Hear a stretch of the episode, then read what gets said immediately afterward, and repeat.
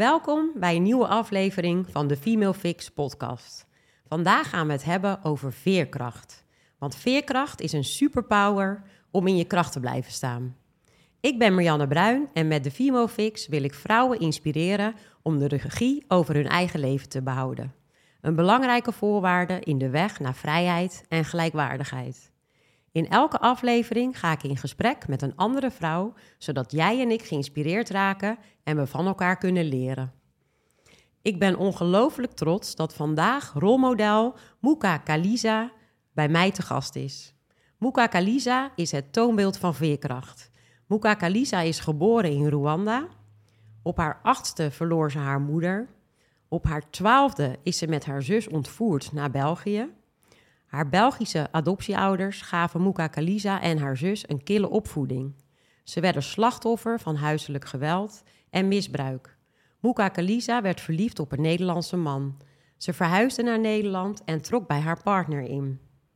Ze werd moeder van drie prachtige kinderen. Haar partner mishandelde haar lichamelijk en geestelijk, waardoor ze uiteindelijk met haar kinderen en een financiële schuld in een blijf van mijn lijf huis terechtkwam. Muka Kalisa toonde veerkracht en gunde zichzelf en haar kinderen een betere toekomst. Ze vecht als een leeuwin voor haar gezin en weet uit het dal op te krabbelen. Naast haar werk als pedagogisch medewerker begint ze haar eigen tassenmerk, Muka Karisa. En dat betekent dat kleine beetje geluk. De normen, waarden en kleuren die ze als kind meekreeg, verwerkt ze in haar kleurrijke tassenlijn en bijbehorende accessoires. Ook in de liefde vindt ze geluk. Inmiddels is ze negen jaar samen met haar nieuwe partner en voor het eerst ervaart Muka Kalisa een gelijkwaardige relatie. Welkom. Dankjewel. Wat een mooie introductie. Wat fijn dat jij er bent en wat een eer dat jij vandaag je levenslessen wilt delen in de Female Fix podcast. Over jouw leven valt eigenlijk gewoon een boek te schrijven.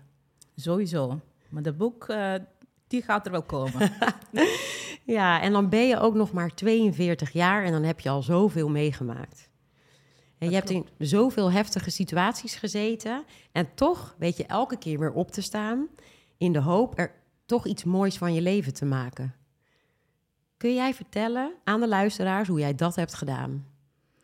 Oh, dat is niet um, in drie zinnen te vertellen. Het is ook natuurlijk een proces uh, uh, geweest, want ik ben niet op een dag opgestaan en ik dacht, oh, nou uh, ervaar ik veerkracht. Um, wel denk ik, de basis van mijn veerkracht zit hem echt in het feit dat ik de eerste twaalf jaar van mijn leven opgegroeid ben in een omgeving, of misschien de eerste acht jaar, uh, met een moeder die er echt voor me was, in een gezin die ook echt voor me was. Mm -hmm. um, een voorbeeldje te geven, uh, bij mijn geboorte moest mijn moeder naar het ziekenhuis, want de, zwangerschap, of de geboorte ging niet, niet vanzelf. En in het, uh, het was op dat moment ook nog eens hongersnood. Dus de dokter heeft echt tegen mijn moeder gezegd van... het is beter dat jij dit kindje hier achterlaat, want ze gaat het toch niet redden. Nou, mijn moeder was redelijk eigenwijs en uh, ze heeft me toch meegenomen... En ik heb zelfs echt even in een doodskistje gelegen. En, maar maar was je te vroeg geboren? Dat weet ik niet. Dat is mij niet verteld. Ik ken mm -hmm. alleen de verhalen bij het kampvuur... waarbij mijn moeder heel trots vertelde... hoe blij ze was dat ik er, er was... en dat ze geloofde dat ik het zou, zou, zou, zou redden en dat mm -hmm. ik zou leven. Oh, dus God, daar zit voor mij nog steeds... Ik, ik heb altijd het gevoel gehad dat ik gewenst was... dat ik welkom was...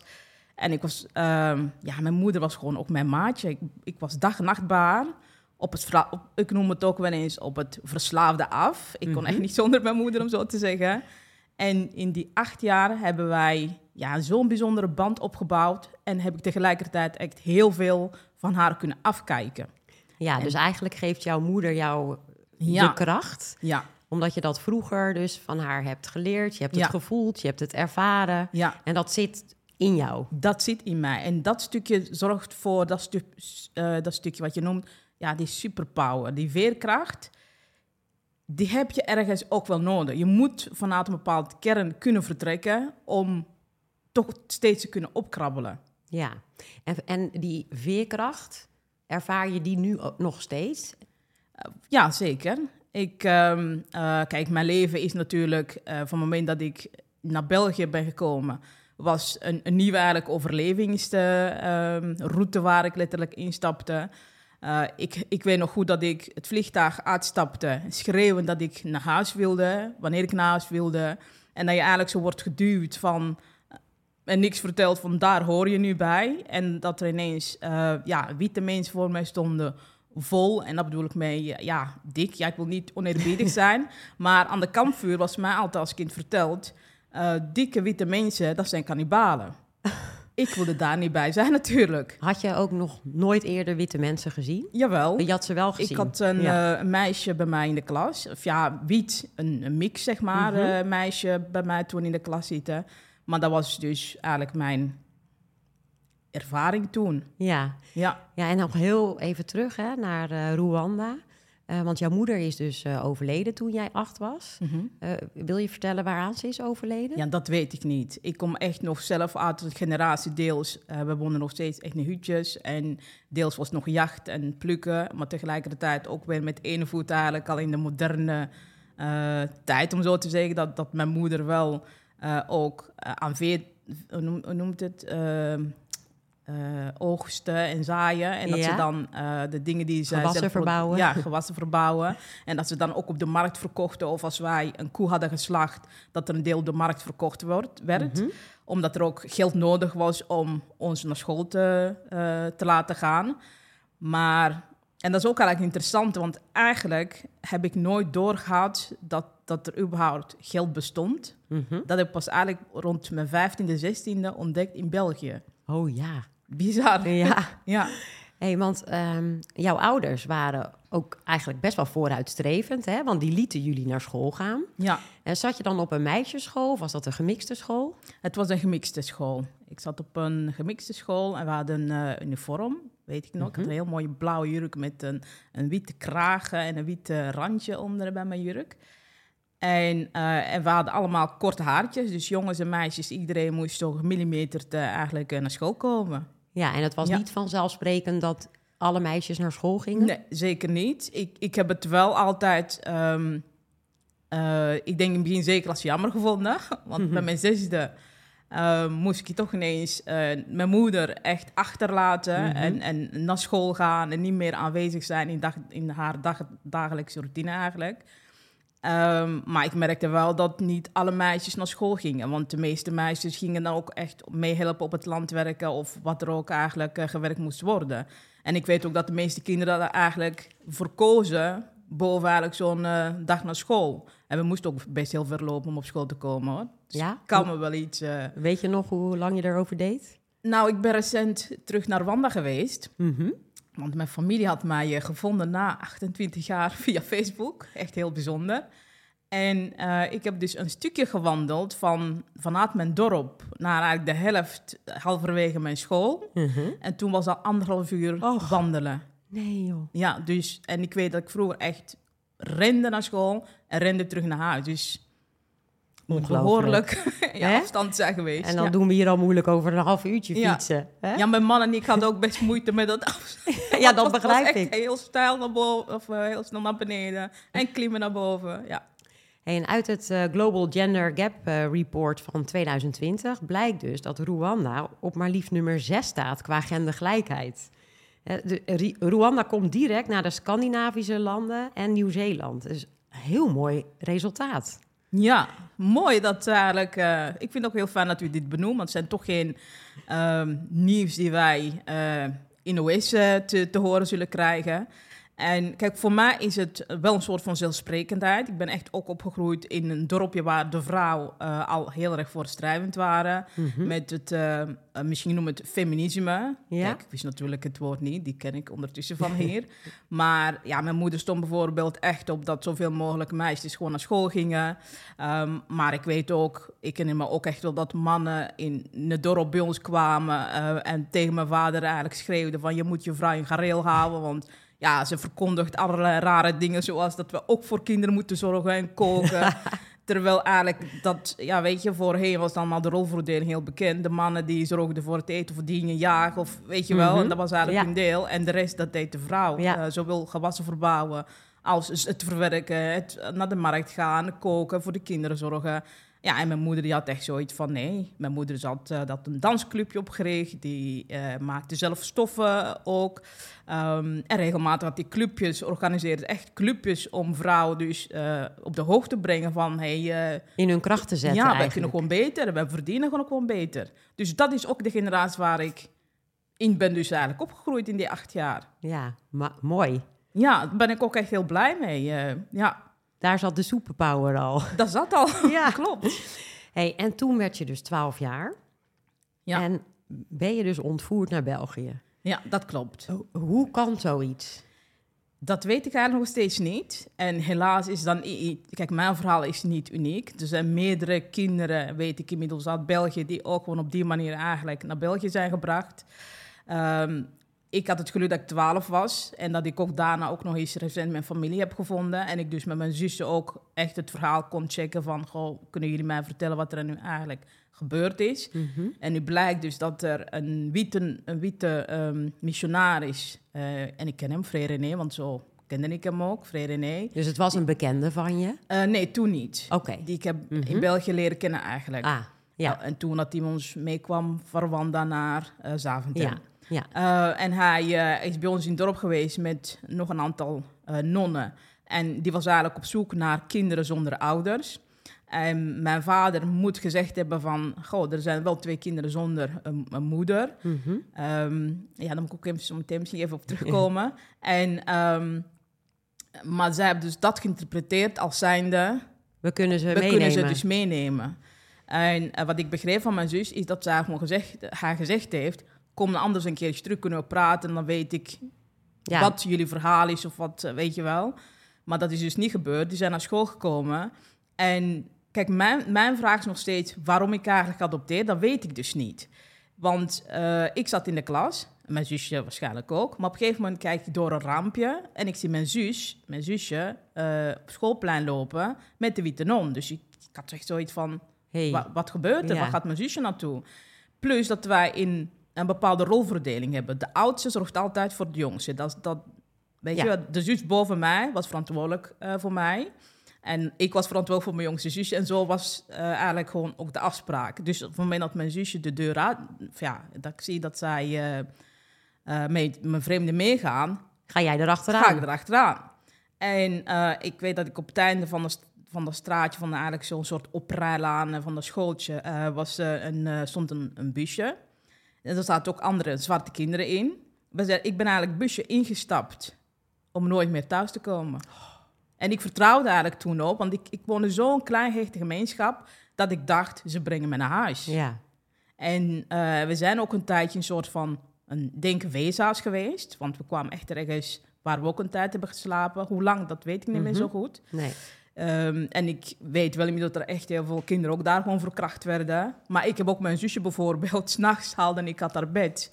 Want ik voel, op een gegeven moment voelde ik van, dat klopt iets niet. Er gingen altijd kinderen s'nachts ineens, werd uit bed gelicht. En dan hoor je zo geschreeuw, dat, dat, dat, dat hoor ik nog steeds eigenlijk, soms droom ik er ook van Mhm. dat je dacht van, dat wat gebeurt er, wat gebeurt er? En dus s'nachts was ik, haalde ik mijn zusje uit bed.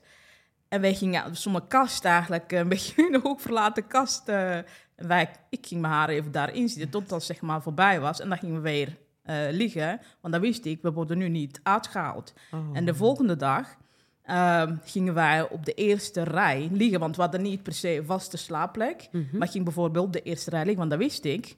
Die is al misschien al geweest. Ah. Dus ik ging echt de hele nacht ging ik altijd ja, wisselen van plekjes. Omdat ik gewoon niet wist van wat gebeurt er. Nee, dus jij was de beschermengel van je, ja, van je mijn zusje. Ja, Hey, en eh, ja, als ik jou dan nu de vraag stel, hè, stel je, had, eh, je was in die klas blijven zitten hè, en, en je was niet ontvoerd geweest. dan had ik de rest van mijn leven afgevraagd waarom ik niet voor mijn, wat Ja. met mijn zus was gebeurd. Ja. Ik waarschijnlijk mezelf de schuld gegeven dat zij weg was. Ja. Ja, Ja, dus die veerkracht zat toen ook in jou om achter je zusje aan te gaan. ja. Maar dat zorgende zit wel sowieso wel een beetje In in, jou. mij. Ja, En vervolgens kwam je dus bij adoptieouders in België ja. terecht. Hoe is dat voor jou geweest, daar die eerste jaren? Heel erg. Ik sprak de taal niet. De mensen die over de vloer kwamen, haartjes voelen. eh, aan je wangen trekken. Ik, ik heb het eigenlijk altijd als heel naars en, en engs eh, ervaren. Uh, wel hield ook op de een of andere manier wel de hoop dat ik ooit terug zou kunnen of zo. Maar ja, dat kwam dan niet. En op een gegeven moment besef je van, ik ga niet terug. Mhm. En eigenlijk, mijn moeder was uh, van dag één dat wij toen bij Zaventem waren, was, uh, was eigenlijk meteen fysiek. Want toen heb ik daar mijn eerste klap eigenlijk toen al gehad. En, uh, en, en zo knijpen in mijn arm. En je weet niet wat het is, maar je voelt wel van... Ook al begrijp je de taal niet, het, het verbaal gedrag van een persoon, die lees je, zeker als kind, die lees je echt wel. Ik wist eigenlijk meteen al van, oeh. Het voelde heel onveilig. Heel onveilig. En dat heeft, um, en dat heeft best wel heel lang geduurd. Want um, het, ik besprak de taal niet snel genoeg. Klappen. Als ik met mijn zusje Rwandees uh, sprak, werden we geslagen. En ik weet op een gegeven moment, um, uh, want ze hadden drie eigen kinderen, mm -hmm. drie biologische kinderen. Ja. En er was ook nog een, een Rwandees jongetje geadopteerd. Mm -hmm. En op een gegeven moment weet ik nog dat mijn dat Rwandees broertje, zeg maar, uh, met een boekje kwam. En hij mocht dan en er was een naamboekje, hij mocht dan namen kiezen. Dus zei, nee, je ging zo echt dat boekje en hij zei, Anouk. Nee. Dus mijn adoptienaam is Anouk van Eiken. En ik had echt zoiets van... Wat nee, krijgen we nou? Mukakalisa. Mm -hmm. Maar dat werd mij zo vaak um, ja, slaand, uh, geen eten krijgen, opgesloten worden. Op een gegeven moment accepteer je wel gewoon die naam hoor. Want ik wist, als Anouk roept en ik zeg ja, dat volgt een soort van beloning. En als ik weiger, dan komen er problemen. Dus het was al meteen echt overleven op zoek van waar ben ik in beland, wat wordt er van me verwacht en hoe ga ik dat waar kunnen maken. En daarin had je zeker ook weer die beschermende rol naar je zusje toe. Ja, ja. En, en ik denk ook nog steeds dat ik het eigenlijk nog zwaarder in het gezin heb gekregen, omdat ik juist voor mijn zusje opkwam. Kijk, mijn zusje was, is een heel rustig, tegenovergestelde van mij, Mm -hmm. is heel rustig, heel timide, maar ook iemand die letterlijk iedereen ook wil nemen zoals ze, voor, voor wie ze zijn. Dat Ja. is dan wel heel erg, uh, ja, bij haar maakt niet uit. Mm -hmm. En, um, maar dat was wel een heel makkelijk prooi voor mijn adoptiemoeder. Het was ook echt alleen mijn adoptiemoeder die zo iedereen terroriseerde. Ja. Dus als zij, um, ze was ook niet zo heel goed in, op school. Dus minste slechte punt dat ze had, of dat de leerkracht bijvoorbeeld klaagde, Mm -hmm. ja, dan werd ze zo in elkaar geranst.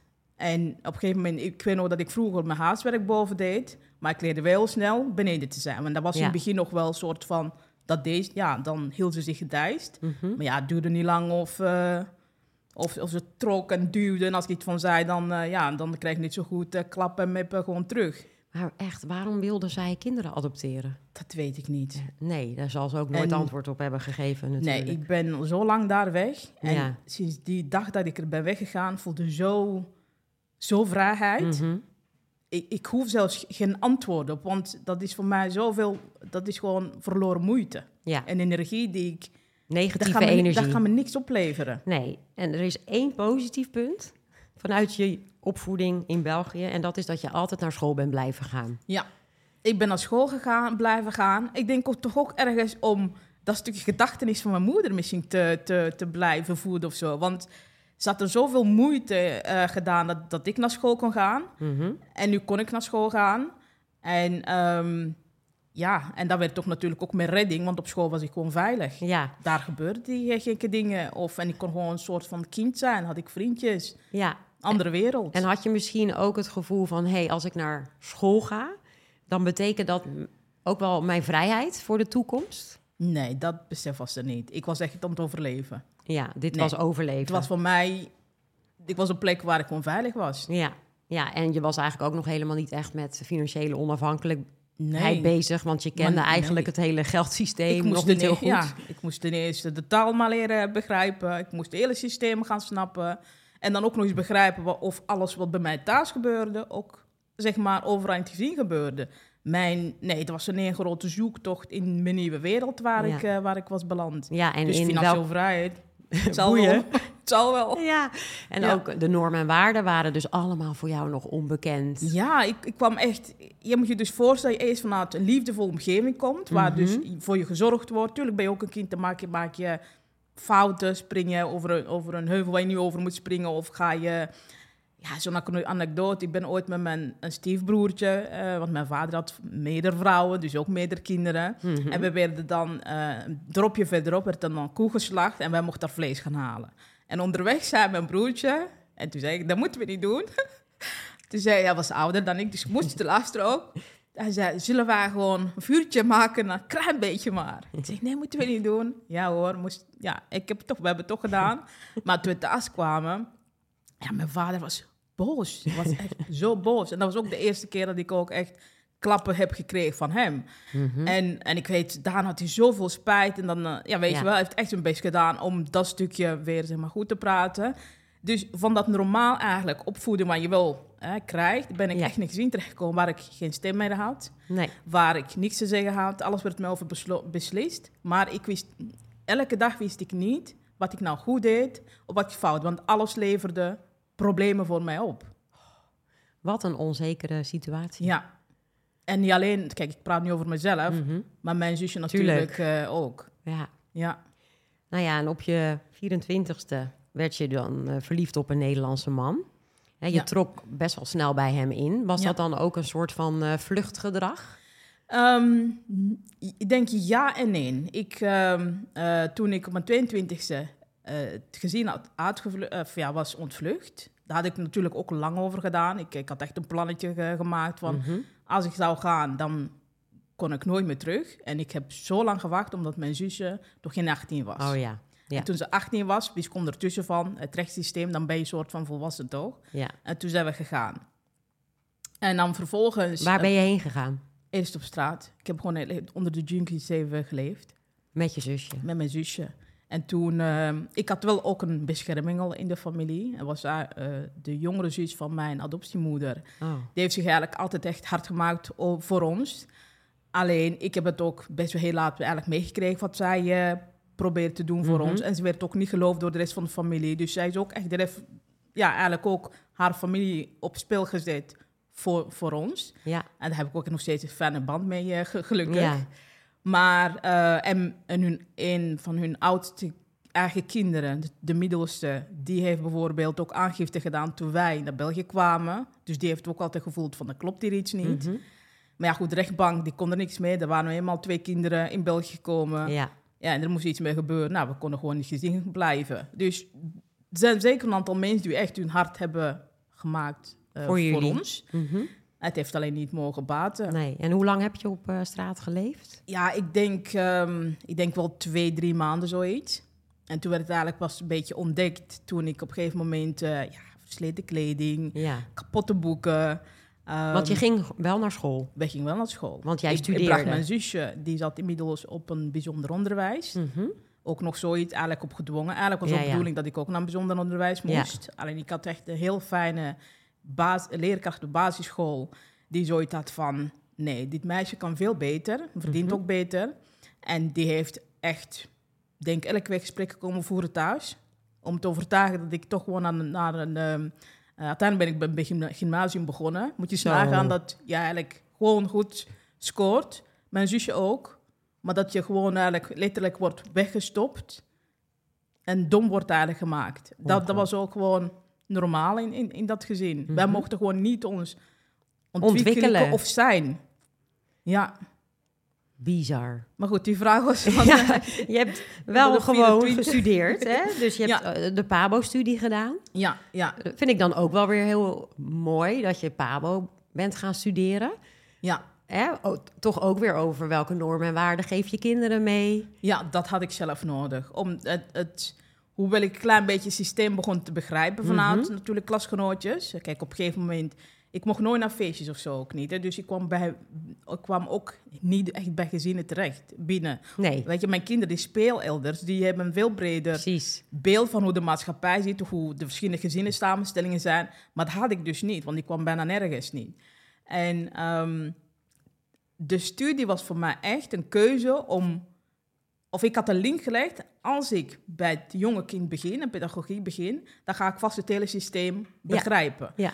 En dat is ook voor mij heeft ook inderdaad zo uitgepakt, want ik begreep ineens dat hele eh, verhouding, hoe verhouden kinderen zich met eh, volwassenen. Dus kinderen zijn in Nederland en in België eigenlijk staan eigenlijk best wel laag in de, in de, in de maatschappij. Eh, wij beslissen erover wat er gebeurt. Uh, Ja. Totdat ze 16 jaar zijn. En dan Mhm. komen ze zeggen ze, mijn dochter bijvoorbeeld, van... Ja, ik kan een piercing nemen, want dan weet ze dat ik dat zelf mag beslissen. weet je wel, dus dat, dat, dus dat stukje. Maar ja, dat heeft me echt heel veel gebracht. Dus ik heb een studie gedaan, puur om zelf Ja. ja. te onderwijzen... in de nieuwe wereld waar ik was terechtgekomen. Ja. En kreeg je een studielening? Uh, dat heeft mijn... uh, nee, in België bestaat niet zoiets als Mhm. studielening. Uh, wel heeft mijn tante ervoor gezorgd dat ik wel een soort van een bijstandsuitkering kreeg. En, um, en voor de rest wordt het eigenlijk bijna vanuit de overheid wel gesubsidieerd. Dus ik ben ook zonder schuld uh, afgestudeerd of wat dan ook. Ja. Dus dat is wel heel goed geregeld. dat is ik heel goed België. geregeld. Heel, geen kinderen... In België komt het echt niet voor dat je met de studieschuld uh, je, ja, je carrière je startende start. carrière ja, hebt. toen althans. Mhm. Ik ook wel een tijdje weg. Ja, en ehm, jouw, je zusje en jij woonden dus toen even met z'n tweeën? Ja, Of, ja. ja, we zijn samen een studentenkot, zo noemen ze het in Ja. Kamer terechtgekomen. Gewoon goed verzorgd door mijn tante. Die, ja, ja zij heeft echt wel me weer soort van op de rechte pad eh, gekregen. Mooi. Dus zijn gelukkig ook goede ja. mensen. Ja, want dan, van daaruit kon ik eindelijk... Ik weet, op een gegeven moment zaten we in de les en dat ging over ehm, godsdienst. Ja. Ik weet niet precies welk vak het hier heet. Mhm. Eh, en eh, dat ging over eigenlijk, wat heb jij ooit meegemaakt, wat jouw leven zo een of, eh, impact eigenlijk ge- gemaakt Mhm. heeft op je leven. En ik weet dat ik echt in de klas liep van, dat ik zo beu was dat mijn, mijn schoonbroer me zo vaak verkrachtte en dat de hele klas doodstil viel. En, en toen dacht ik, en toen heb ik een soort van een briefje op het einde eh, van de les van iemand gekregen. En dan kon ik dan bij een soort van GGD of GGZ eigenlijk Mhm. GGD volgens mij was dat toen. En van daaruit ben ik toen wel zelf hulp gaan zoeken. En toen ben ik echt alles wat ik in dat gezin had meegemaakt, Ja. ben ik gaan verwerken. Ja. En dat was echt best wel een heel moeizame periode. Hoor. Want de- de- in het begin zat ik in de zetel en ik keek gewoon naar de klok van eh, hoe laat... Wat doe eh, ik hier? nou ja, ik- wilde... Ik, je wil wel, maar je weet niet waar je moet beginnen. Nee. En je weet ook, en ik vertrouwde het systeem ook nog niet zo goed. Ik dacht van ja, wie de mensen, Mhm. allemaal families van elkaar. Want ik was altijd familie van iedereen in Rwanda. Maar ja, gaandeweg, want deze man die heeft ook wel echt het verschil gemaakt hoor, in mijn eh, eh, verwerkingsproces. Die heeft echt alles uit de kast gehaald. En toen was ik eindelijk soort van een beetje op de rit, om zo te zeggen. Ja, en toen, eh, en toen werd ik verliefd. Ja, op een man Via, op een man. die het ook niet zo goed met jou voor had. Ja, ik trapte toch. Ik had toch nog niet zoveel geleerd over eh, zelfwaarde of Mhm. überhaupt wat eh, Zelfliefde, is, zelfcompassie, gelijkwaardigheid. gelijkwaardigheid, liefde. Wij, ehm, ik leerde hem via een, een internet dating site kennen, want eh, ik zat in een studentenkamer, weliswaar ook met andere studenten. Ja. En op een gegeven moment zat, hadden we een, een, een jongen, Nick, en die was homo. En die had elke week een date. een Nederlandse Ja. jongen, by the way. Dus al die Vlaamse, brave... eh, Jij dacht, dat wil ik ook. Nou, maar dat was niet gaan. Ik was de laatste van, van de groep die uiteindelijk eh, eh, mee eh, dacht van... Nou, ik kan ook een profiel maken. Maar goed, zo ging het dus. Dus ik leerde hem uiteindelijk kennen. Leuk op het gesprek. En hij was eigenlijk de enige die nooit over seksuele avances... of andere gekke dingen eigenlijk Mhm. schreef. Maar toen schreven we nog berichtjes. En dat duurde drie dagen voor je een berichtje weer ontving. Ja. Ehm, ja, dat voelde gewoon een soort van fijn en vertrouwd. En, en hij, was ook hij is ook leerkracht. Hij was, hij is nog steeds leerkracht. Dus we hadden wel een soort van raakvlakken. En hij hield wel van buitenlandse reizen. En hij had heel veel gereisd met Marokko en dergelijke. Dus weet je, het, ja, we hadden eigenlijk heel veel, voor mijn gevoel, gemeenschappelijk. Mhm. Alleen echter na een tijdje... Kijk, ik heb heel laat pas eigenlijk ontdekt, maar mijn beste vriendin, Saskia en mijn tante, die hadden eigenlijk al zoiets van eh, rode Dit vlag. zit niet goed. Klopt niet. Nee. Ja, ik wilde zo graag deze Ja. relatie. En ik wilde op de een of andere manier ook bewijzen, denk ik, dat ik niet kon falen of zo. Weet Mhm. je wel, ik, ik weet het niet. Nee. Maar ik bleef. Jij met dat gevolg van dien. Ja. en je hebt ook geen financiële afspraken met hem eh, Nee. gemaakt. Jij trok bij hem in. Ja. Had hij al een koophuis? Hij had al een eh, koopappartement. Ja. En, daar eh, heb je jezelf eh, bijgeschreven? Of hoe? Nee. Ik, ik weet wel dat ik in het begin eh, ben ik met een bepaald zakgeld gekomen. Want ik had, inmiddels had ik ook een eigen appartementje in Ja. België verko- verkocht. Oh, goed zo. Mijn zusje ging met een deel, kon zij er blijven wonen. Kon ik met mijn deel naar, naar Nederland. Ja. En ehm, Nee, eigenlijk dat geld is ergens in opgegaan en geen idee waar het uiteindelijk gebleven is. Nee, want je bent met hem getrouwd geweest. Nee, we zijn niet getrouwd geweest. Dat wilde hij niet. En had je een samenlevingscontract? Ja, op een gegeven moment wilde hij een huis kopen. En, ehm, en ik, ik dacht slim te zijn. Ik zei, ja, maar dan moeten we een, een samenlevingscontract hebben. Ja, Slim van mij, Heel hè? goed, heel goed. Je kende het systeem al een beetje. Ik begon een klein Ja. beetje te, te begrijpen vanuit Ja. ook mijn... Ja, ik had ook gewoon collega's en ik, had, ik besprak wel even. Goh, huis kopen. Ze zei, ja, samenlevingscontract, zeker als je getrouwd bent, moet je echt hebben. Mhm. Nou, ik dacht, nou, ik ben wijs. Ja, Maar ja, wat bleek nou? Eh, dat klopt, we hadden een samenlevingscontract, maar er stond gewoon eigenlijk niks in. Want Nee. eh, als we uit elkaar zouden gaan, had ik nergens recht op. nee. Ook niet in het geld wat ik in de taal gestopt. Gewoon nergens, niks, nada, recht op. Dus je was niet naar de notaris eh, geweest. Eh, het mooie is, we zijn wel naar de notaris geweest. Alleen, wanneer zijn we naar de notaris geweest... Ik was op dat moment hoogzwanger van onze tweede, Mhm. tweede kind. Ja. En hij vertelde, nou, we moeten ergens naartoe. En we hoeven alleen maar contract te ondertekenen. Dus ik ben naar de notaris Oh. geweest. En ik weet op een gegeven moment, de enige verandering wat in, de, in, in het contract kwam, was mijn naam. Want er was een lettertje fout geschreven. En, eh, en toen vroeg die man van, jullie hebben het eh, goed besproken? Want vorige keer zou het, ah, ja, ik heb het allemaal goed uitgelegd en ik kon gaan ondertekenen. En, ik heb En dat gedaan. deed je. En dat deed ik.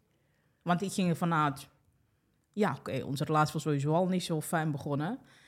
Maar, goh, we waren inmiddels wel zwanger van het tweede kind, dus het moest toch wel goed zitten. Eh, maar nee. Ach, wat verschrikkelijk. Ja, Je bent er gewoon in getuimd. Want Ja, je vertrouwde hem. Je ja. dacht, het zit wel goed. Hij regelt dit. ja. Je hebt je handtekening gezet zonder Ja. de lettertjes te lezen. ook vanuit het gewoon goed vertrouwen. Ik, ik, ik, ik heb, wat heb ik op geleerd in, die, in de leven daarvoor? Eigenlijk, in, ik was alleen aan het overleven. Letterlijk hoe ik de volgende dag zou, zou halen. Ik was niet bezig met wetgeving, regels, recht. Ehm, en hoe had ik dat anders ook moeten leren? Ja. Kijk, dan Ja. heb je wel, om, om dat te kunnen overzien, moet je wel een omgeving bevinden die daar ook überhaupt, ook überhaupt daarmee bezig is. Zeker. Mijn omgeving was daar niet mee bezig, dus ik was er ook niet mee bezig. Uh, op school Kreeg je ze- geen leren- financiële leren ze niet over- educatie? nee, nee, Nee. hoe je met je geld omgaan. Nee, nee. Du- dus je leert het niet. Nee. Jeetje. En jij had dus eh, toch mooi eigen geld opgebouwd. Hè? Want je had een eigen koophuis. Dat heb, je- heb je verkocht. Ja, je zusje en jij hadden Ja. dus een deel. Jij hebt dat in dat nieuwe huis eh, gestoken. Ja, En vervolgens was je eigenlijk dat geld kwijt. kwijt. Oké. En je had een heel ongelukkig huwelijk. Drie kinderen kregen jullie samen. Ja, En vervolgens trok je het niet meer. En terecht. En ben je dus letterlijk daar weggegaan. Ja. ik kondigde het aan. En eh, ik weet nog goed dat hij mij heel erg uitlachte van zonder mij red je het niet. Ehm, en ja, ik heb wel even, ook even getwijfeld of ik Ja. het inderdaad zou redden. Maar ik, ja, weet je, op een gegeven moment weet ik dat mijn oudste dochter bepaald gedrag begon te vertonen. Maar ook gewoon bewoordingen, hoe, ja, weet je, scheldwoorden. En dat ik dacht, is dit nou wat ik eigenlijk voor mijn meisje wil? Is, is, is, is dit wat ik voor mijn zoon wil? Eh, ik had twee dochters en een zoon. Moet mijn jongen nou nu denken dat dit de manier is, Dat dit de normale situatie, is. situatie is? Moeten mijn meisjes zich zo in de wereld gaan, gaan profileren? En toen dacht ik, nee, ik, ehm, ik wil heel graag ouder zijn. En ik sluit hem niet buiten. En ik dacht in dat, dat moment ook dat de agressie en het geweld er was, er alleen richting mij was. Eh, en toen ben ik gaan scheiden. Maar ja, goed, als je gaat scheiden en je hebt niks, dan kom je natuurlijk ook gewoon in principe op straat. Ja. En gelukkig zijn er ook zo'n dingen als eh, die opvanghuis waar ik Ja, terecht we kan. blijven allemaal lijfhuizen. Ja. Daar Ja. ben je beland. Daar ben ik beland. Ja. Maar dan mag je ook niet werken, hè? Nee, dan eh, de, de voorwaarden. Ik weet nou niet of het eigenlijk voor iedereen zo gel Mhm. eh, gold. Maar in jouw geval... In mijn geval moest ik eigenlijk mijn werk stopzetten. En moest ik daar echt intern, ben ik met psychologen, ik heb ook een paar gesprekken met psychiater gehad. Eh, mijn kinderen kregen, werden ook heel erg eh, ge- geobs- geobserveerd. Eh, maar ik voelde ook wel heel erg... ehm, ja, ik had ook wel ergens het gevoel van, het is goed dat, dat het er is. Mhm. Maar er wordt ook soort van uitgebuit of zo, weet je. Als soort van, ik was ook zo, ik voelde mij een soort verdienmodel. Want mijn kinderen moesten, moesten eigenlijk naar een andere school. Want vanuit dat school kregen ze een subsidie. Ehm, nou, doordat ik natuurlijk niet helemaal intern was en geen geld had, kregen ze er ook weer een subsidie Ja, ja. van. Ja. Eh, dus achteraf heb ik wel eens gedacht van ja, had ik mijn werk moeten opzeggen. Maar Mhm. welke keus Waar had moest ik? je anders naartoe? Ja, aan de andere kant denk ik, ja, ik heb ook de tijd gekregen om eh, ook echt te zijn voor mijn kinderen, te, te, te werken aan mezelf. Eh, dus ja, het heeft zeker opgeleverd. Ja. Ja. Dus als ik jou vraag, heeft het overheidssysteem je in die tijd geholpen? Ja en nee. Ja. Maar grootste natuurlijk wel ja. Eh, Ja. Ik heb een dak boven mijn hoofd. Eh, ik, krijg, eh, ik krijg zakgeld. een stukje ehm, rust, denk ik krijg, ik, ja, en dat is echt onbetaalbaar. Vanuit die Mhm. rust heb ik nog meer, maar ja, ben ik nog meer in mijn kracht gaan zitten. En ik weet, op een gegeven moment ben ik met een psycholoog, een psychiater in gesprek geweest. Want Mhm. iedereen wordt ook doorgelicht. En ik weet dat hij zei tegen mij van, meisje, of jouw vrouw eigenlijk, zei hij toen. ehm, volgens mij hoor je hier niet. Dus Nee. je hebt heel veel meegemaakt, maar je bent er altijd voor je kinderen. Eh, ze ga, je, je, je, hebt het er voor over om twee uur heen en weer te gaan reizen om ze naar school te brengen. Ik zie gewoon dat jij veel verder staat in dat stukje ontwikkeling en de zorg. Volgens mij hoor je het niet. En dat heeft ook de processen voor mij Ja. wel versneld, dat ik daar maar een half jaar heb gezeten. Daar kwam eh, de veerkracht weer naar boven. Ja. Ja, en dat werd gelukkig toen gezien. Want eh, vanuit de sociaal werkers die daar helpen, ja, ze houden je wel echt heel klein. Ik heb echt daar letterlijk heel veel discussies gehad over, echt onzin over. Dat bij haar kamer van mijn kinderen moest altijd een camera me volgen. Maar echt allerlei, ja, weet je, dat waren allemaal van die gekke dingen dat ik dacht van... Ja, ja. Je werd Zijn jullie in dan de op gaten zoek naar problemen of zijn jullie, willen jullie mij helpen eigenlijk? ja. Maar hij heeft echt wel daarin, gelukkig, voor mij wel het verschil gemaakt. En ik denk voor andere vrouwen, maar ik kan alleen maar voor mezelf spreken Ja, natuurlijk. eh. Ja. ja, dus ik ben wel, denk wel in de loop van de tijd gelukkig ook wel gezien door een aantal mensen die ook mij dan weer dat stukje eh, op de weg eigenlijk eh, steeds hielpen. ja. Ja, En, en na het blijven van Maluihuis ben je denk ik naar weer een huurhuis. een huurhuis gegaan. Eh, daar kreeg je toen bijstandsuitkering. Ja, ik kreeg een bijstandsuitkering. Dat was wel gekoppeld. Ik kreeg een huurhuis en dan moest ik wel een lening aangaan met de gemeente. Oh, ja. Ja, en goh, volgens mij, ik weet al niet meer precies het bedrag, maakt niet uit. Nee, Maar van dat, ik- dus ik moest een bedrag lenen om mijn huis te kunnen inrichten Ja, of ja. schilderen, noem het allemaal op. Eh, koelkast, eh, wat, wat je ook Mhm. allemaal nodig hebt. En, eh, en daarnaast kreeg ik een, een uitkering. Ja. Alleen wat ik in het begin niet door had, was dat, dat ik eh, van mijn uitkering dus ook elke maand en ik het bedrag moest afbetalen aan die, ah, die lening. Van die lening. Ja, Dus op een gegeven moment eh, kreeg ik eigenlijk genoeg van, van, om rond te komen. Maar ja, omdat het dan aan de andere kant weer terugging, was het wel echt heel benijpend af en toe van hoe red Ja, ik het. En ik had ook geen recht op voedselbank, want ik kreeg op papier genoeg. ah, En Ja. ik kreeg natuurlijk ook in principe eh kinderbijslag, nee, eh kinderalimentatie. En dat zou eigenlijk 900 euro zijn in de Mhm. maand. Maar ja, in het begin was het 300 euro wat er kwam. En dan weer eens niks. En, maar ja, de gemeente gaat er wel van uit dat je dat hebt gekregen. ja. Dus op een gegeven moment had ik ook nog eens een grotere schuld. En dan moest ik echt al dat bewijs dat je moest eigenlijk constant eh, voor, eh, voorleggen. En elke week doorgelicht dat jij dan hen niet aan het oplichten was of zo. Ja, Ja, ja. dan voel je, weet je, dan ben je ook weer in dat Wat stukje... vermoeiend.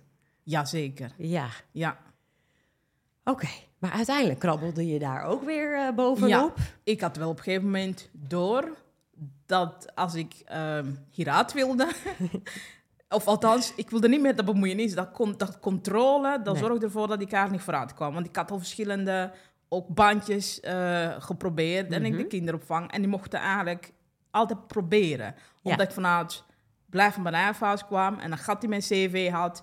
ehm, heb ik echt tijd lang gratis gewerkt om te laten zien dat ik bepaalde kwaliteit had. Mhm. Maar ja, eh, ze, ze wilden me wel gratis blijven laten werken. Ja, tuurlijk. Maar ik had van, ja, maar ik heb ook drie kinderen. Ik wil ze ook gewoon leuke eh uitjes gunnen. Ik wil ze gewoon een ijsje kunnen halen zonder eh, elke maand te tellen hoeveel ik eigenlijk over, overhield.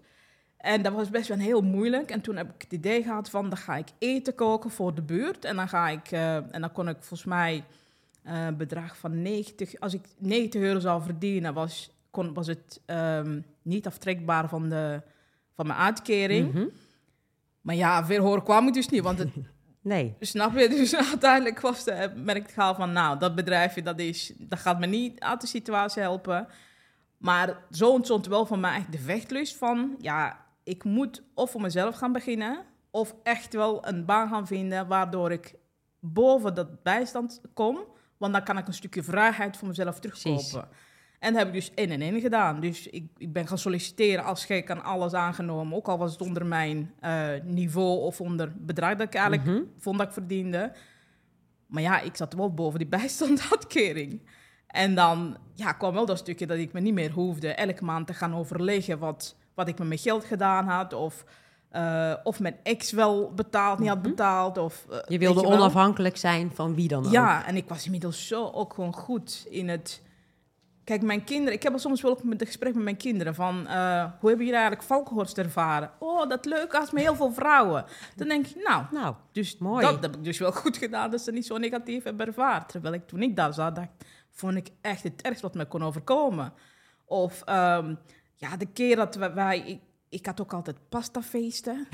En eh knakkiedagen. En ik was Ja. gewoon heel creatief ook met koken. Ja. Dus mijn kinderen gingen naar school en vertelden tegen me... We hebben pastafeest. ah. En wat was het dan? Ja, dat was eigenlijk de hele week gewoon pasta eten. Soms een komkommertje overheen, soms een, een Ach. worteltje, soms weet, weet je wel. Dus ze krijgen heel veel vriendjes, want dat, bij ons was het altijd feest. speciaal. ja.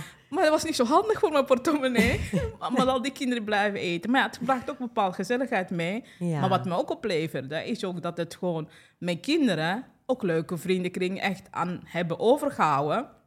En ze dus af en toe ook bleven eten en goed aten. Dus het leverde wel win-win situatie op. Ach, wat mooi. En hoe gaat Ja. het nu met je kinderen? Ja, eigenlijk gaat het goed. Ja. Ja, kijk, zij uh, blijven wel een soort van loyaliteitsconflict zitten. Mhm. Want mijn ex en ik, uh, we praten niet met, niet met elkaar. Mhm. We zijn in 2011 gescheiden, moet Ja. je weten. En ik kan echt voor mezelf zeggen, ik heb er alles aan gedaan om wat er gebeurt tussen ons, hè, tot een bepaalde hoogte, achter me te laten. Mhm. Kijk, ik kan me niet vergeven dat hij mij probeert te wurgen. Of, dat, Nee. dat kan ik me niet vergeven. Maar uh, ik kan het wel voor mijn kinderen. Kijk, zij hebben een vader en ze mogen hem leren kennen zoals die is. Dat kost mij wel een hoop energie. Want Ja. dat betekent dat ik hem letterlijk een wapen in de hand geschoven krijg. Die ook weer tegen mij gebruikt Mhm. werd. En Ja. nou ja, dat is ook zo vaak gebeurd. En dat creëert een hoop loyaliteitsconflict Ja. natuurlijk voor de kinderen. Dat ze niet te weten, wat is het nou eigenlijk? Ja, dus voor het belang van de kinderen wil je hem niet uit het leven verbannen. Dat, Nee, dat doe je nee. heel erg goed, denk nee, ik. dat ga ik niet doen, want Ja. ik ben zelf opgegroeid zonder mijn familie, terwijl mijn familie... Oké, die dat was een andere kant van de wereld, maar ze zijn er altijd geweest. Ja, ja. Wie ben ik om mijn kinderen hun vader te ontzeggen? Ze mogen me leren kennen zoals die is en Mhm. ook een keuze maken precies. vanuit hun. Niet Ja. omdat ik iets Niet dat jij dat hebt opgelegd. vervelend... Ge, ge- ge- ja, we hebben allemaal vrienden die we ook leuk vinden en niet leuk vinden, toch? Daar kiezen we zelf voor. Ja. Ja, zo zie ik dus ook. Nou, en vervolgens ben jij dus ook weer letterlijk eh, voor jezelf gaan werken. Hè? Je had Ja. een leuke baan. Je ontmoette weer een hele leuke nieuwe man. Ja, En eh, die nieuwe man, dat bevalt je volgens mij hartstikke goed. ja we zijn eh, inmiddels eh, getrouwd. Oeh, We- met goede financiële afspraken? Wel beter dan voorheen, zeker. Oh, gelukkig. Ja. Ja, ik kan wel echt heel fijn met mijn man over de financiën praten. Hij is ook ehm, hij is heel open en dat maakt het voor mij ook een stuk makkelijker. Mhm. Hij wil me er echt bij betrekken, wil me echt dingen laten snappen. En dat vind ik nog steeds af en toe bijna bijzonder, dat hij zo mij gunt of, of mij echt een, een volwaardig deelgenoot van zijn leven zeg maar, maakt. Mhm. Ehm, ja, ik ervaar echt partnerschap. En gelijkwaardigheid. Ja, partnerschap, gelijkwaardigheid, maar wat eigenlijk echt onvoorwaardelijke liefde eigenlijk inhoudt. Ja, en, en hoe heb je dat vertrouwen weer gekregen? Ehm, dat komt door hem. Ik denk deels, ja, is misschien, misschien, misschien veel credit, maar dat denk ik wel. Mhm. Hij, ehm, hij, is een, hij is heel geduldig. Toen ik hem leerde kennen, ehm, wilde ik eigenlijk niet Nee, van hem weten. Ik Snap dacht, ik. Ik dacht, ach, weer een, een witte man. Die wil waarschijnlijk weten wat een zwarte vrouw eh, is, weet ik veel. ik had allerlei vooroordelen. Mhm. Ehm, en had een heel mooi auto. Het leek alsof hij gewoon alles voor elkaar had. Maar ik had niks voor elkaar. Ik had drie kinderen, gedoe met mijn ex. Geen, eh, mijn financiën waren eigenlijk gewoon te brabbel voor woorden. Ook het begon beter te gaan, maar eh, ik vond mezelf geen gelijkwaardig partij. Ja. En ik besloot eigenlijk, ik weet dat we op date gingen eh, en haalde me op. En ik, ik had besloten, ik ga gewoon alles vertellen. Ik ga hem gewoon al mijn shit delen, dan rent die kaart weg en dan ben ik er ook wel vanaf. En dat kon je niet op één avond delen, denk ik. Jouw dat deed, verhaal maar is... dat deed eh, ik wel. ja, dat, ja, dat we lukte. hebben heel lang gezeten. Wauw. En hij, la hij luisterde en ik dacht, wanneer gaat hij? Ja, Wanneer maar hij ging niet. Hij ging niet. En toen begon hij ook eigenlijk spontaan te vertellen over zichzelf. Oh. Zijn ex-relatie. Eh, dat hij alleen voor de kinderen heeft komen te staan ook. En toen dacht ik, oh. Er bestaan ook goede mannen. Toen dacht ik, bizar. En ik dacht, nou ja, ga naar huis. En dan wordt hij morgen wakker en denkt, ja, pff, laat maar. Te ingewikkeld. En ik denk, twee weken later of zo brak ik eh, een mista- Nee, eh, ik weet het Ja. al niet meer. Van mijn been een stukje. in je been. En ik kon niet meer lopen eigenlijk. En hij kwam, eh, hij ging naar zijn werk. Haalde brood voor mij, kwam eten brengen voor mij. En dan ging hij naar huis voor, voor, zijn twee kinderen te zorgen. En op een gegeven moment kwam een vriendin wel eens, of moeder vanaf Mhm. van school, van, kunnen wij iets voor je doen? Ik zei, nee, het gaat allemaal goed. En mijn tante zorgt voor mij. Ik ging allemaal eigenlijk Ja. omdat ik niet durfde te vertellen dat ik misschien een relatie had. Of omdat ik ook eigenlijk ja, misschien bang was voor afkeuring. Ik, ik weet het niet. Ik Mhm. ging in ieder geval allemaal van die leugentjes vertellen. Maar ja, eh, ondertussen was hij wel degene die voor mij zorgde. En in die tijd gingen de kinderen gelukkig eh, fulltime bevaderen. Want die kon ze niet meer naar school fietsen. En de oudste ging weer alleen maar. Mhm. Snap je? Dus op die manier hebben we twee weken lang kunnen verdelen. En hij was er eigenlijk altijd. En ik weet dat ik mijn haar ook echt allemaal zo'n afro en gekamd en weet ik het. En dat hij echt zei van, oh, je hebt zo'n bijzonder haar. En, dat ik, en ik had voorheen, zeker in mijn relatie daarvoor... Ja, mijn haar was altijd gewoon een probleem. Überhaupt hoe ik eruit zag was een probleem. De kleding die ik droeg was een probleem. En hij maakte er gewoon geen, geen punt van of zo. En toen dacht ik, oh, ik mag gewoon mezelf zijn. Wauw, Ja. mooi zeg. Ja, en dat is nog steeds zo. Eigenlijk ben ik nog... Ja, dus ik ben nog steeds echt smoren verliefd op. Ah, nou, je straalt ook helemaal als je Ja, dat zegt. Ja, Dus er ontstond weer positiviteit, eh, weer ruimte in je hoofd. En vervolgens dacht je, weet je wat? Ik ga gewoon mijn eigen onderneming beginnen. ja ik ga een tassenlijn oprichten. Daar was ik eigenlijk al wel mee bezig. Maar goed, dan loopt dat toch moeizaam. Eh, ja, je, je hebt x bedrag wat binnenkomt. En eh, achteraf gekeken had ik misschien een andere soort onderneming moeten opzetten. Die minder investeringen vraagt, die misschien Ja. sneller wat oplevert. Want een, een exclusieve merk opzetten met je verhaal, ja, eh, dat kostte heel veel geld. Mhm. En nog steeds. Dat is niet erg. Dat is echt. Dat is, weet je, die tassen staan voor. Dat, hoe zeg het belichaam van mijn veerkracht. Dat, Ja. dat, dat is het ook. Mhm. En ehm, zolang ik nog het gel- geloof heb. dat zeg maar terug gaat betalen, om zo te zeggen, dat voel ik ook heel, heel erg. Blijf ik ook gewoon investeren. En ondertussen zoek ik andere manieren om ja, geld hebben om te leven en de dingen te doen die ik moet doen. Ja, en je zegt eh, het vereist dus veel investering. Ja, Eh, niet alleen tijd hè, en energie, maar met name ook geld. ja. Doe je dat zelf? Ja, eigenlijk wel. Ik heb ehm, wel hulp nodig gehad bij het... Kijk, mijn print bestaat uit vijf symbolen. Mhm. En inmiddels weet ik dat eigenlijk echt een, met- een methodiek is die ik ontwikkeld heb om überhaupt, zeg maar, wat er gebeurt is, dat letterlijk te overleven. En, ehm, en die, ik wilde wat op een bepaalde manier gedesigned zou worden, zodat ik het altijd, als ik een stukje zou, ou- eh, zou afknippen of op een bepaalde manier zou verwerken, Mhm. dat altijd wel echt dat stukje herkenbaarheid in zou zitten. Ja. Dus daar heb ik wel iemand voor ingehuurd. Want ik heb geen design, Nee. eh, dus fashion. Eh, ik dacht, ik, ik doe het gewoon omdat ik, ik wil een verhaal vertellen. En ik, wil, ik wilde wel een echt impactmakend maken. En daarbij ook nog eh, de andere mensen laten zien. hey, kijk, weet je, met een kakari dat dan, dan sta je ergens voor. ja. En zet je ook in, in bepaalde kracht. Weet je, je mag best wel laten zien dat je ergens vandaan komt. En, dan, en dat bedoel ik dat je door dingen heen gaat. Maar dat je die kunt omdraaien naar iets bijzonders. En wat ook nog eens mooi is voor een ander om te dragen. ja. V- vanuit dat proces. En ehm, verder heb ik natuurlijk hulp nodig gehad voor de productie. Ja. En nou, ik heb een vriendin die reist her en der. En die vertelde mij van, oh, je moet echt naar Spanje. Het is een klein dorpje in Ubrique. Ja, dat is Walhalla van de tasproductie. de Ja. grootste merken, de Louis, die, die produceert daar. En dan moet je naar daar gaan. En ik dacht, ja hoor, Daar ga ik heen. dat kan ik gewoon. Ja.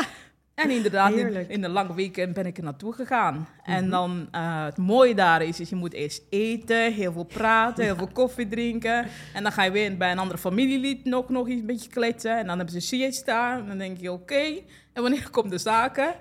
Maar ik heb er altijd wel vertrouwen in gehad van, oké, ik ben hier. Mhm. Zij geven mij een goed gevoel. En ook al heeft het een jaar geduurd voor ik een beetje de financiën bij elkaar had om mijn productie te draaien Ja. Het, het ging dan ook, weet je, het was niet moeilijk, het was prima. En dat was gewoon een heel fijne samenwerking. En nog steeds. En ze weet dat ik niet elk jaar of elk half maand, eh, half, eh, half jaar Opnieuw ga, ga produceren. Nee, dat, dat, eh, ja, dat, dat, dat hoeft voor mij ook niet. Het is, Nee. echt, ik, het is ook echt een stukje duurzaam. er zit echt duurzaam in. Mhm. Er wordt voor mij ook geen speciaal leer geproduceerd. Ik gebruik eigenlijk gewoon de restleer wat er daar al ligt, wat eigenlijk al niet meer voor een volledige collectie bijvoorbeeld voor een bedrijf te, te maken is. En ik betaal gewoon een eerlijke prijs. Ik bedoel, zo'n tas alleen productie, ja, zit toch tussen 50 en 150 euro. Ja. Dus het is niet weinig. Nee, Maar ja, dat, het is het wel waard. ik heb het wel voor over. Ik vind het ook gewoon... In de tijd waar we in zitten, waar we in leven... moeten we echt aandacht hebben voor de makers. Mhm. eh, maar ook voor de materialen. En vooral de bronnen waar het allemaal vandaan komt. En ik merk wel dat ik heel erg vanuit mijn denk, rol als zwarte vrouw... Ja. dat ik me heel vaak wel moet verdedigen... waarom mijn tas zo duur is. Alsof het dan niet kan verwacht worden... dat ik en duurzaam en eerlijk prijs betaal... en op die manier en nog gewoon een heel bijzonder verhaal mee te Ja. vertellen heb. Ja, want daar ben ik nog wel even benieuwd naar. Het verhaal erachter. Want eh, je hebt eh, bepaalde patronen Ja. met symbolen. Mhm. En die symbolen komen eigenlijk ook voort uit eh, wat jij in je jeugd hebt gezien en ervaren. Ja. Dus vertel eens. Nou, de symbolen op zich zijn eigenlijk een vertaling van de, wat ik heb meegemaakt. De, het zijn vijf symbolen. En eh, de eerste symbool staat letterlijk voor het chaos wat er in mijn leven is geweest. Dus ook, ook het erkennen van de, al die traumatische dingen die gebeurd zijn. En die zijn er gebeurd. En dan gaan we dan... Het tweede is een stukje, dan, dat is een vierkant eigenlijk. Ja. Een soort van spiegel. Voor mij is dat een spiegel. Mhm. Uh, wie was ik onder deze traumatische gebeurtenissen? Wie ben ik nu en waar wil ik naartoe? En als, als derde moet je toch acties gaan uitzetten, echt doen, creëren. Dat is de driehoek. En, uh, en als het vierde kom je dan toch op het punt dat eigenlijk kom je dan in een stukje zelfliefde terecht. Mhm. Een concreet voorbeeld van als ik zeg, oh wat heb jij toch een mooi jasje aan. Wij zijn geneigd te zeggen, ja, was goedkoop en uh, uh, zo goedkoop ge- getikt op de markt, weet ik het. Terwijl je kan ook zeggen, ja, leuk, ik was in de winkel en ik liep voorbij die etalage en ik dacht, heel mooi, ongeacht de prijs. Ja, ik vond gewoon dat ik het waard was. Dat zeggen wij niet. Maar dat is wel belangrijk om juist in dat stukje veerkracht voor jezelf te gaan zitten. Mhm. Dus dat is het vierde, vierde Ja, symbool. mooi. En dat- herkenbaar wat je zegt. ja, en het vijfde symbool is eigenlijk, als je heel die stappen doorloopt, kom je een stukje eigenlijk je why. En als die vijf dingen, dan heb je zo'n basis om jezelf elke keer uit situaties echt te helpen. Dat gebruik ik ook als coaching nou mo- model. Ja, Ja. wat een mooie filosofie Ja. erachter. En, En, ja, en dat mag ik nog ja, toevoegen. zeker. En ik wil ook weten waar Ja. de kleuren voor Er staan. zijn, ja, er zijn drie basiskleuren die ik Mhm. gebruik. En die drie basiskleuren zijn echt voor mij echt uit mijn, kinder, mijn kindertijd. Dat betekent dat ik heel vaak aan het water heb gezeten of op de heuvel heb gezeten om de zonsondergang te zien eh, neerdalen. Vond ik echt zo bijzonder. En het is ook iets universeel, want ik zie nog steeds, als ik in Nederland, s'avonds in de zomer, zie ik het ook. Dan brengt me echt dat, dat warm gevoel van thuis ook weer zo terug. Ja. En de schakeringen van hoe de zon over die groene velden alles geel en groen toverde. Dat is eigenlijk wat ik probeer te vangen met de gele tinten. Mhm. De blauw is het water, paarsige hè, met die zonsondergang. En dan die andere kleur is eigenlijk de aardse. En zelf als kind vond ik heel bijzonder als het regent. En dan, dan drupt het water echt met dikke eh, druppels op de grond. En dan stoof zeg maar zo ehm, ja, stof van het zand op. Ja, Ja, en dat splitsing zo prachtig rood oranje. Ja, Ja. Ik, ik wilde wel die dingen voor mezelf terugbrengen eigenlijk in mijn print. Ik wilde echt iets meegeven wat ik zelf als kind zo bijzonder heb ervaren. Wat nog steeds ook echt, ja, maar zo'n fijn gevoel, zeg maar, brengt. Ja, dat is dat stukje klein beetje geluk voor jezelf Ja. dat je moet creëren. Wat mooi zeg. Ja, En ik kan me ook voorstellen dat het ook weer een stukje levensverwerking is voor jou. Ehm, zo heb ik het nog nooit eigenlijk gezien. Maar ik denk het wel. Ik denk het wel. Ja. Want het was ook een stukje, kijk, dat verhaal is niet zomaar ontstaan. Mhm. Het was ook echt in de periode dat mijn kinderen ook heel veel vragen hadden van... Ja, maar mama, ja, waar kom je nou eigenlijk vandaan? Of eh Moekie is wit, maar jij bent zwart, maar je familie is dan Mhm. wit. Maar hoe zit het dan? Ja, dan vanuit eigenlijk de vraagstelling wilde ik voor hen zo concreet mogelijk tekenen eigenlijk. En dat is dadelijk vanuit ontstaan. Mooi zeg. Hey, en Ja. op de vraag, eh, ben je nu financieel zelfredzaam? Of Mm. samenredzaam, doordat je met je partner goede afspraken hebt gemaakt? Ja, samen, zeker wel echt samen. Maar ja, ik heb echt een heel wijze les geleerd in mijn vorige relatie. Mhm, Mijn streven in mijn relatie, ik heb het goed, mhm. maar ik wil toch voor mezelf goed hebben. Ja. Ik wil de hobby's van mijn kinderen zelf kunnen betalen. Ik wil de uitjes. eh, eh, en niet dat hij, want hij is ook een man die heel graag juist aan mij wil uitgeven. Kijk, als we gaan shoppen en hij wil graag voor mij eh, spullen kopen, zeker heel, heel leuk, heel tof. En soms moet je ook een man gewoon zijn mannelijkheid gewoon ja, geven. zijn waarde en laten. zijn waarde laten. Mhm. Maar ik wil wel, als ik iets nodig heb, niet bij hem hoeven aan te kloppen. Ik, dat heb ik echt wel geleerd van ehm, zelf bouwen. Ben ik er helemaal? Nee, ik ben nog niet helemaal. Ik zeg ook wel eens van... ehm, ja, ik heb wel wat eh, vet op het bot, Ja, maar het mag wel wat dikker. wat dikker. Zodat Ja. ik echt dat stukje fit, vrijheid, financieel Mhm. vrijheid echt... Ja, in dat overvloed eh, wil ik eigenlijk naartoe gaan. Wil ik naar groeien. Ja. Maar ook gewoon voor mijn kinderen om te laten zien van... Ik geloof echt... Kijk, mijn partner, die is, die is gewend dat het altijd goed is gegaan in zijn leven. Financieel heb je nooit zorgen hoeven te maken. Nee, En dan merk ik echt ook aan zijn eigen kinderen. Die, hebben dan niet, die zijn er niet zo zwaar mee bezig. Eh, Terwijl mijn kinderen hebben natuurlijk vanuit mijn bijstandsuitkering... meegemaakt. Die hebben dat meegemaakt. Mhm. En ik moet soms opletten ja, dat, dat- je daar niet in... als ze iets vragen, Beland. dat ik niet dan weer in beland van, ja, maar kan het wel? Precies. Want zijn kinderen hoeven daar nooit twijfelen aan. Die vragen het, en dan komt er is prima, komt er ja, dat is prima. ja, En ik ben altijd toch nog dat gevoel van, ja, maar zou het? Dus, en gelukkig wijst hij me erop van, doe het niet. nee. En dat vind ik wel fijn dat zij wel een heel ander soort wereld toch gaan ervaren. Van vooral mogelijkheden. Ik denk dat dat hen ook een stukje weer eh, positiever, denk ik, echt geluk in het leven gaat brengen. Absoluut, dat denk ik ook. Ja. Hey, en als laatste vraag ga ik jou natuurlijk vragen. Zijn er nog een aantal levenslessen die jij heel graag wilt delen met de luisteraars? Je hebt al heel veel dingen gezegd, maar misschien dat je Ja. zegt: hey, dit wil ik echt nog heel graag meegeven. Ja, en wat ik heel graag wil meegeven aan vrouwen in het algemeen, is dat wij moeten gaan, nog meer moeten gaan leren praten.